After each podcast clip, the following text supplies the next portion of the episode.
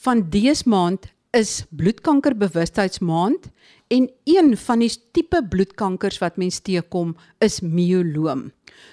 Ek gesels vandag met professor Winnen Lou.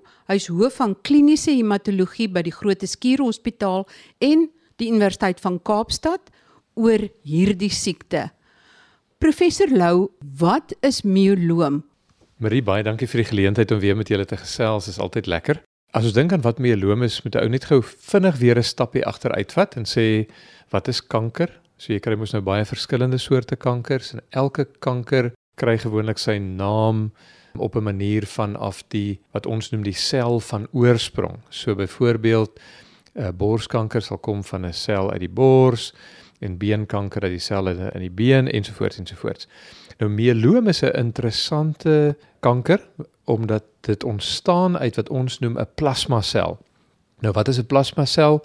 Almal dink ek weet in hierdie tyd nou met uh, COVID en al die dinge wat ons beleef het van teenliggaampies wat ons maak as ons ingeënt word of as ons 'n infeksie gehad het en die selle in die liggaam wat daai werk doen van teenliggaampies produseer is plasmaselle. So as jy 'n kanker ontwikkel van jou plasmasel, noem ons dit mieloom. Wat interessant is dan van mieloom is dat omdat dit 'n kanker is van plasmaselle, kan hierdie kanker ook teenliggaampies produseer. Maar hierdie teenliggaampies anders as die teenliggaampies wat gemaak word deur gesonde plasmaselle is abnormale teenliggaampies wat jou eintlik glad nie help nie. Inteendeel, die teenliggaampies wat die kankersel maak, word gemaak in oormaat en kan op hulle eie vir die pasiënt probleme gee. Byvoorbeeld die teenliggaampie is, is eintlik maar 'n soort proteïen en dit kan vasval in die niere. Dis te groot vir die nier om uit te filter. Dit kan daar gaan vassteek of gaan neergelê word soos ons sê en dan die nierfunksie negatief affekteer. Dit kan ook byvoorbeeld as dit baie baie hoog is, die bloed begin verdik dan raak die bloed amper so stroop in plaas daarvan om lekker glad te vloei deur die are, dan het jy hierdie stroperige dik dik bloed wat maak dat alle organe in die liggaam nie meer behoorlik kan werk nie. Nou die ander element van mieloom is dat kyk as ons weer terugdink, die fabriek van bloed is mos die beenmerg. Hierdie plasmaselle sit in die fabriek van bloed want hulle is deel van die immuunstelsel. Hulle word gemaak in die beenmerg en met ander woorde binne in been. So enige kanker wat nou in die been ontstaan, kan dus ook potensieel die beendere affekteer.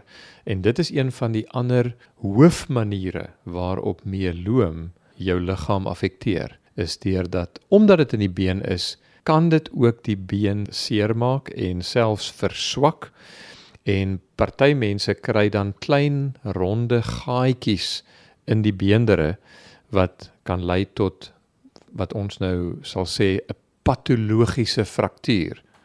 Wat is 'n patologiese fraktuur? Wat is nou anders daaraan as 'n gewone fraktuur? Kyk, gewone fraktuur gebeur gewoonlik met trauma.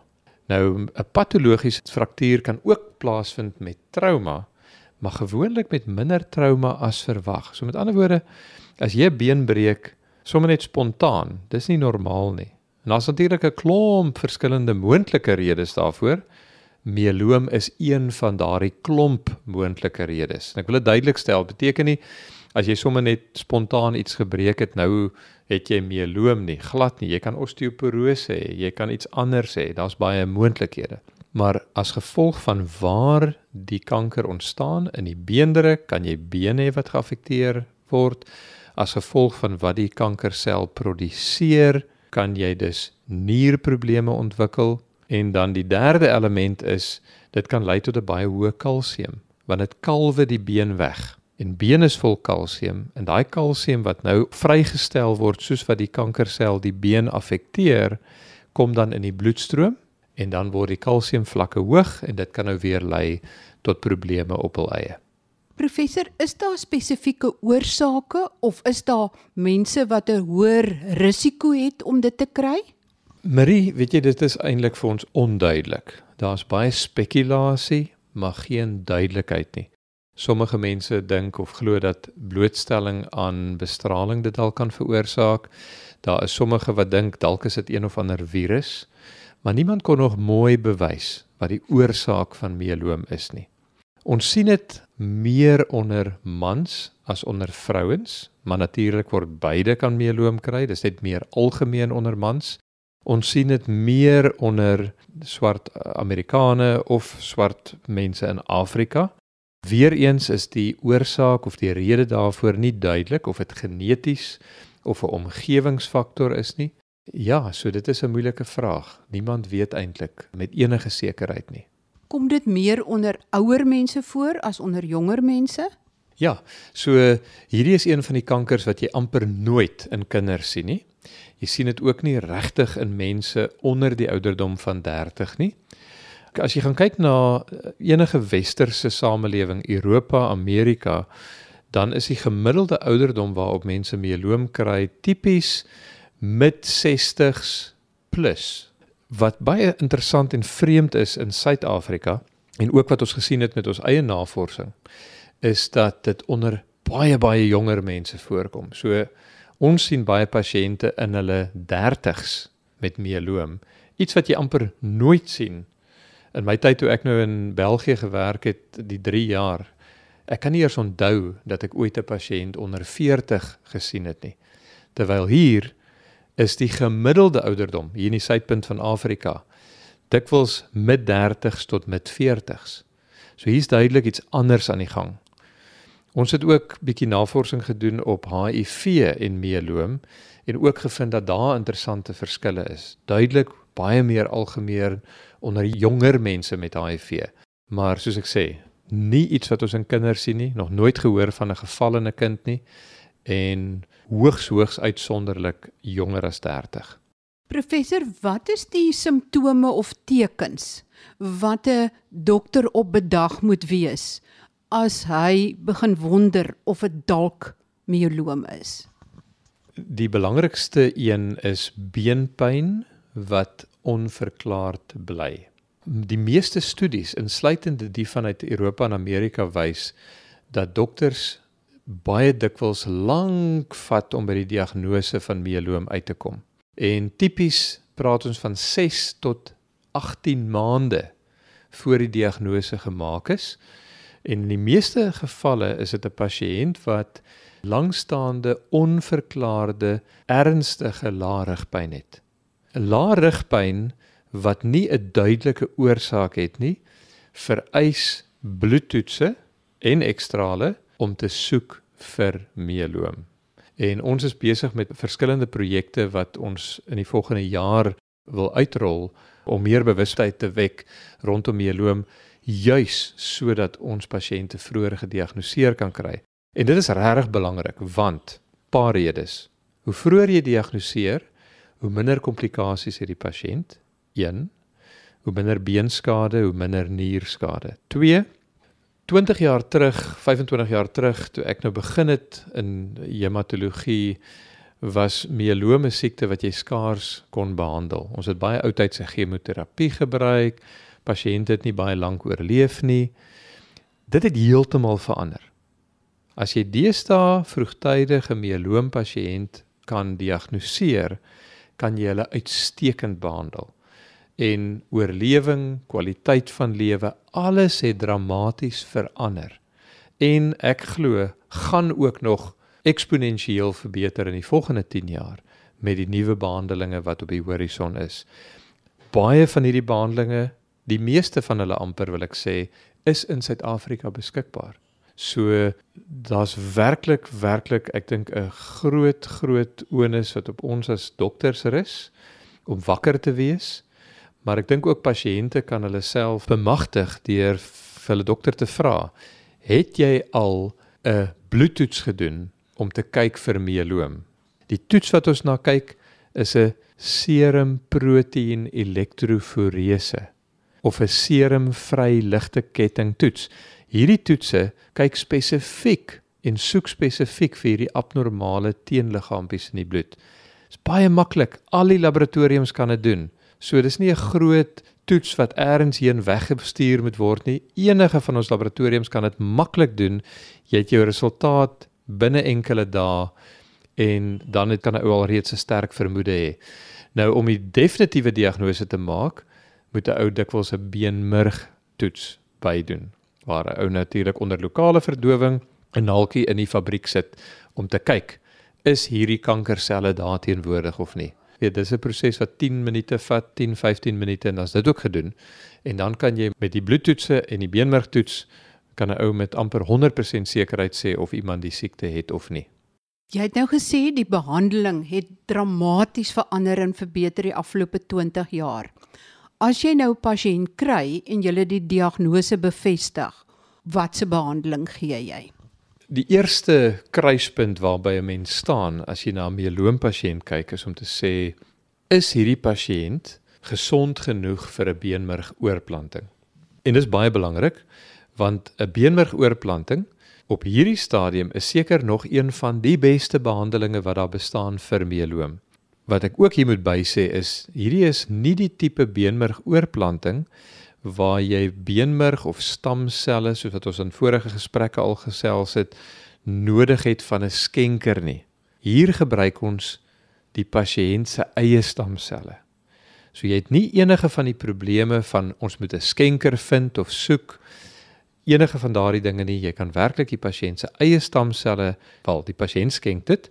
Ons sit dit in die vrieskas, eintlik vloeibare stikstof En dan gaan ons vir die pasiënt 'n voorbereidingsbehandeling gee voordat die oorplanting gebeur om die beenmerg so skoon as moontlik te maak van enige meloomselle.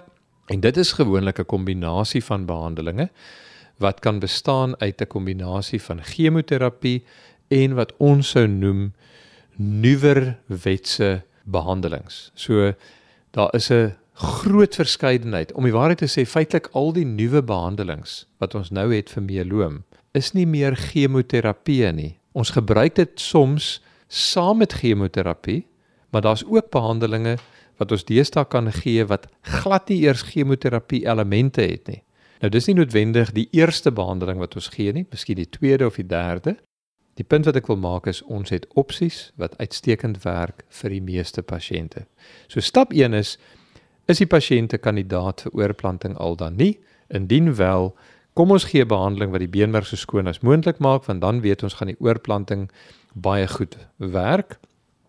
Daarna monitor ons die pasiënt as die siekte dan eers weer begin kop uitsteek want ek moet sê dis nie 'n siekte wat ons tipies genees nie maar 'n siekte wat ons beheer. Net soos wat jy bloeddruk, hipertensie genees jy nie, baie suikersiekte genees jy nie noodwendig nie. Jy probeer dit vir jare en jare en jare beheer. Soos die tyd aanstap, kan ons ook meeloom meer en meer beheer. Indien jy nie 'n kandidaat is vir oorplanting nie, wel, dan is dit 'n behandeling met of chemo of van hierdie nuwer middels sonder die oorplanting. As die nuwer middels nie chemoterapie is nie, met ander woorde, dit is nie 'n haalgeweer wat skiet om klomp selle, selfs gesonde selle dood te maak nie. Hoe werk hierdie nuwer middels dan? Marie, dis my baie opwindend en dit wys net weer vir jou hoe belangrik dit is om die basiswetenskap wat onderliggend aan die siektes is te verstaan. En nog selfs voor dit hoe om die fisiologie van elke sel te verstaan. Ons weet nou werk, amper sê die draadwerk van selle baie beter. Elke sel het ten minste 50000 plus proteïene wat in netwerke met mekaar gesels, mekaar aanmoedig of vir mekaar sê raak bietjie rustig of werk bietjie harder en so praat hierdie hele netwerk soos 'n uh, dit laat my amper dink aan mikroskyfies in die rekenaars waar daar heen en weer syne is wat boodskappe stuur. Die enigste verskil is met die sel is dit net miljoene kere meer ingewikkeld. Maar wat ons nou meer en meer verstaan is hoe die programmering van die sel werk en wat verkeerd gaan met daai programmering wanneer 'n sel kankeragtig word. Ons weet dat sekere skakelaars aan en afgeskakel raak binne in die sel het sy deur impulse van buite wat op die sel se membraan of oppervlak met die sel se binnewêreld kommunikeer of sekere goeters wat fisies binne in die sel skade maak wat die skakelaars de mekaar krap. Nou hierdie nuwe middels werk tipies op hierdie skakelaars waar jy sekere goed gaan aanskakel, afskakel en probeer om die syne weer te herlei op 'n manier wat normaal is. So jy probeer eintlik die sel te laat terugkeer na 'n normale staat en indien jy dit nie kan doen nie, het ons nou nuwer middels. Kyk, gewoonlik as die kankersel vorm, is die liggaam veronderstel om 'n paar dinge te doen. Of die sel is veronderstel om self selfmoord te pleeg, te sê, "Hey, hier's iets groots verkeerd met my. Dit kan nie so aangaan nie." En die sel offer homself basies op en pleeg selfmoord. Of as die sel dit nie self sien nie, dan is daar immuunselle of deel van die immuunstelsel wat na die kankersel kyk en sê, "Jy, jy lyk snaaks. Jy behoort nie hier nie. Kom ons vernietig jou." Of wat vir die sel sê, "Ek dink jy moet selfmoord pleeg want jy pas nie in by die res nie." Nou van die behandelings wat ons deesdae het, kan ons die kankersel tussen al die normale selle mee gesels en ons dwing daai kankersel met hierdie nuwe behandelings om selfmoord te pleeg. En dit werk, ek kan nie vir jou beskryf nie. Dit werk beter as die beste chemoes wat ons in die verlede gehad het. En dis die toekoms van kankerbehandeling in die algemeen, hè.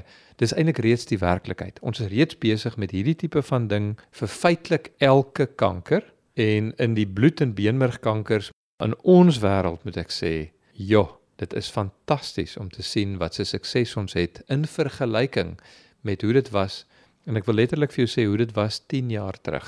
Dit is transformerend. Daar is getekende terapie waar ons klein molekules het wat fisies binne in die sel gaan. Dan is daar antiliggaambehandelinge. Sal nou snaaks klink, né? Nee, ons het net gesê die kankersel maak slegte antiliggame, maar ons kan nou in die laboratorium antiliggame produseer wat gerig is op die kankersel. Dis soos hierdie hittesoekende missiele wat hulle in die weermag gebruik. En dan die heel nuwe ding op die horison is sogenaamde immuunterapie waar hulle nou selle vanuit die pasiënt se eie immuunstelsel herprogrammeer om die kankersel te gaan opspoor en vernietig. Want iets is verkeerd, nê? Nee, as jy kanker ontwikkel en die immuunstelsel het dit gemis, dan wat is die fout? So ons vat nou die persoon se eie immuunstelsel, sit vat hom buite die liggaam, hy word ge heringeneer of soos die Engelsman sê re-engineered om dan teruggesit te word en dan die kanker te gaan vernietig. So jy draai die persoon se immuunstelsel, jy ruk hom net bietjie reg. Jy gaan lei hom net weer bietjie herop om te sê wag 'n bietjie. Jy het eers iets in jou basiese opleiding gemis want jy daai kankersel misgekyk. Nou gaan nou terug en gaan doen wat jy veronderstel is om te doen. Nou daardie behandeling is nog nie vrylik in Suid-Afrika beskikbaar nie. Dit is baie baie baie duur op hierdie stadium. Dit gaan goedkoper word. Maar daar is planne om dit te ontwikkel en daar's reeds werk wat gebeur. Dr David Britton wat by um ActLife in Pretoria is, is reeds besig met 'n proses om dit Suid-Afrika toe te bring. Dis nou in die privaat wêreld. Op hierdie stadium praat jy nog van miljoene rande per behandeling, maar sommige pasiënte gaan oor see om die behandeling daar te ontvang. Maar die plan is om te kyk om dit goedkoper te maak en in Suid-Afrika te kan doen op 'n bekostigbare manier. Gebruik julle hierdie tipe behandeling ook vir leukemie en vir limfoom of is dit spesifiek vir mieloom? Nee, hierdie ehm um, behandeling word nou ontwikkel vir vir 'n verskeidenheid van kankers, maar dit is vir elke kanker baie spesifiek. Kom ons sê die tipe behandeling in die breë word definitief ontwikkel vir meeste kankers maar die, die vir elke soort kanker het jy baie spesifieke ingenieurswerk wat plaasvind op die immuunstelsel dat hy weet hier gaan jy vir 'n plasma sel vir 'n mieloomsel hier gaan jy nou vir hierdie soort limfoomsel hier gaan jy vir hierdie leukemie sel so dis baie baie spesifiek. Professor Lou as iemand nou wel mieloom het en hy kry die behandeling keer dit dan daai neerlegging van die of die ophoping van daai proteïene om sodat die niere nie meer so swaar trek nie, los dit ook die probleem van dik bloed op? Ja, absoluut. As jy die kraan toedraai, dan hou die produksie op, né? Nee, so as jy die kankersel vernietig, dan stop jy die, die oorproduksie van hierdie hierdie proteïen en as jy die en ek moet dit weer beklemtoon, as jy die diagnose betyds maak, kan baie van die skade omgekeer word en is die liggaam in staat om nog daai proteïen te verwyder uit die organe waar dit neergeslaan het. Ongelukkig is daar 'n punt waar as dit te ver gaan, wat jy dit nie meer volledig of soms glad nie kan omkeer nie. En dan moet jy die beste maak van die saak en rondom dit probeer werk ongelukkig. So as iemand wat byvoorbeeld osteoporose het, myeloom ontwikkel, dan sal die bene nog verder verswak as dit nie gediagnoseer word. Absoluut Marie, dis heeltemal reg en ons het ook dus deel van die behandelinge wat ons toepas is anti-osteoporose tipe behandelinge om die pasiënt se bene te versterk en hulle ook dan meer beskerm te maak teen die kanker en teen frakture in die toekoms. So jy slaan die spyker op die kop. Dit is standaard deel van die behandeling is om uh, osteoporose teen te werk. Gelukkig interessant genoeg is die behandeling vir osteoporose help ook vir die pyn wat hierdie pasiënte dikwels het as gevolg van beenaantasting. Bloedarmoede, gaan dit saam met myeloom of nie? Ja, bloedarmoede is seker een van die algemeenste tekens van myeloom. Bloedarmoede is natuurlik ook een van die mees non-spesifieke manifestasies. Waarom sê ek dit? As jy daaraan dink dat amper die helfte van vroue in Suid-Afrika het ystertekort. Dis die algemeenste oorsaak vir bloedarmoede. Myeloom sal miskien die duisendste algemeenste oorsaak wees van bloedarmoede, maar omgedraai, meeste pasiënte met myeloom het ook bloedarmoede. So die afwesigheid van bloedarmoede sê nie jy kan nie meeloom hê nie, maar dit maak dit baie minder waarskynlik. So hoekom het hulle bloedarmoede? Wel, een dis 'n siekte soos ek genoem het van die beenmerg, van die fabriek van bloed. Daar's 'n klompie redes waarom rooi bloedselproduksie spesifiek onderdruk is.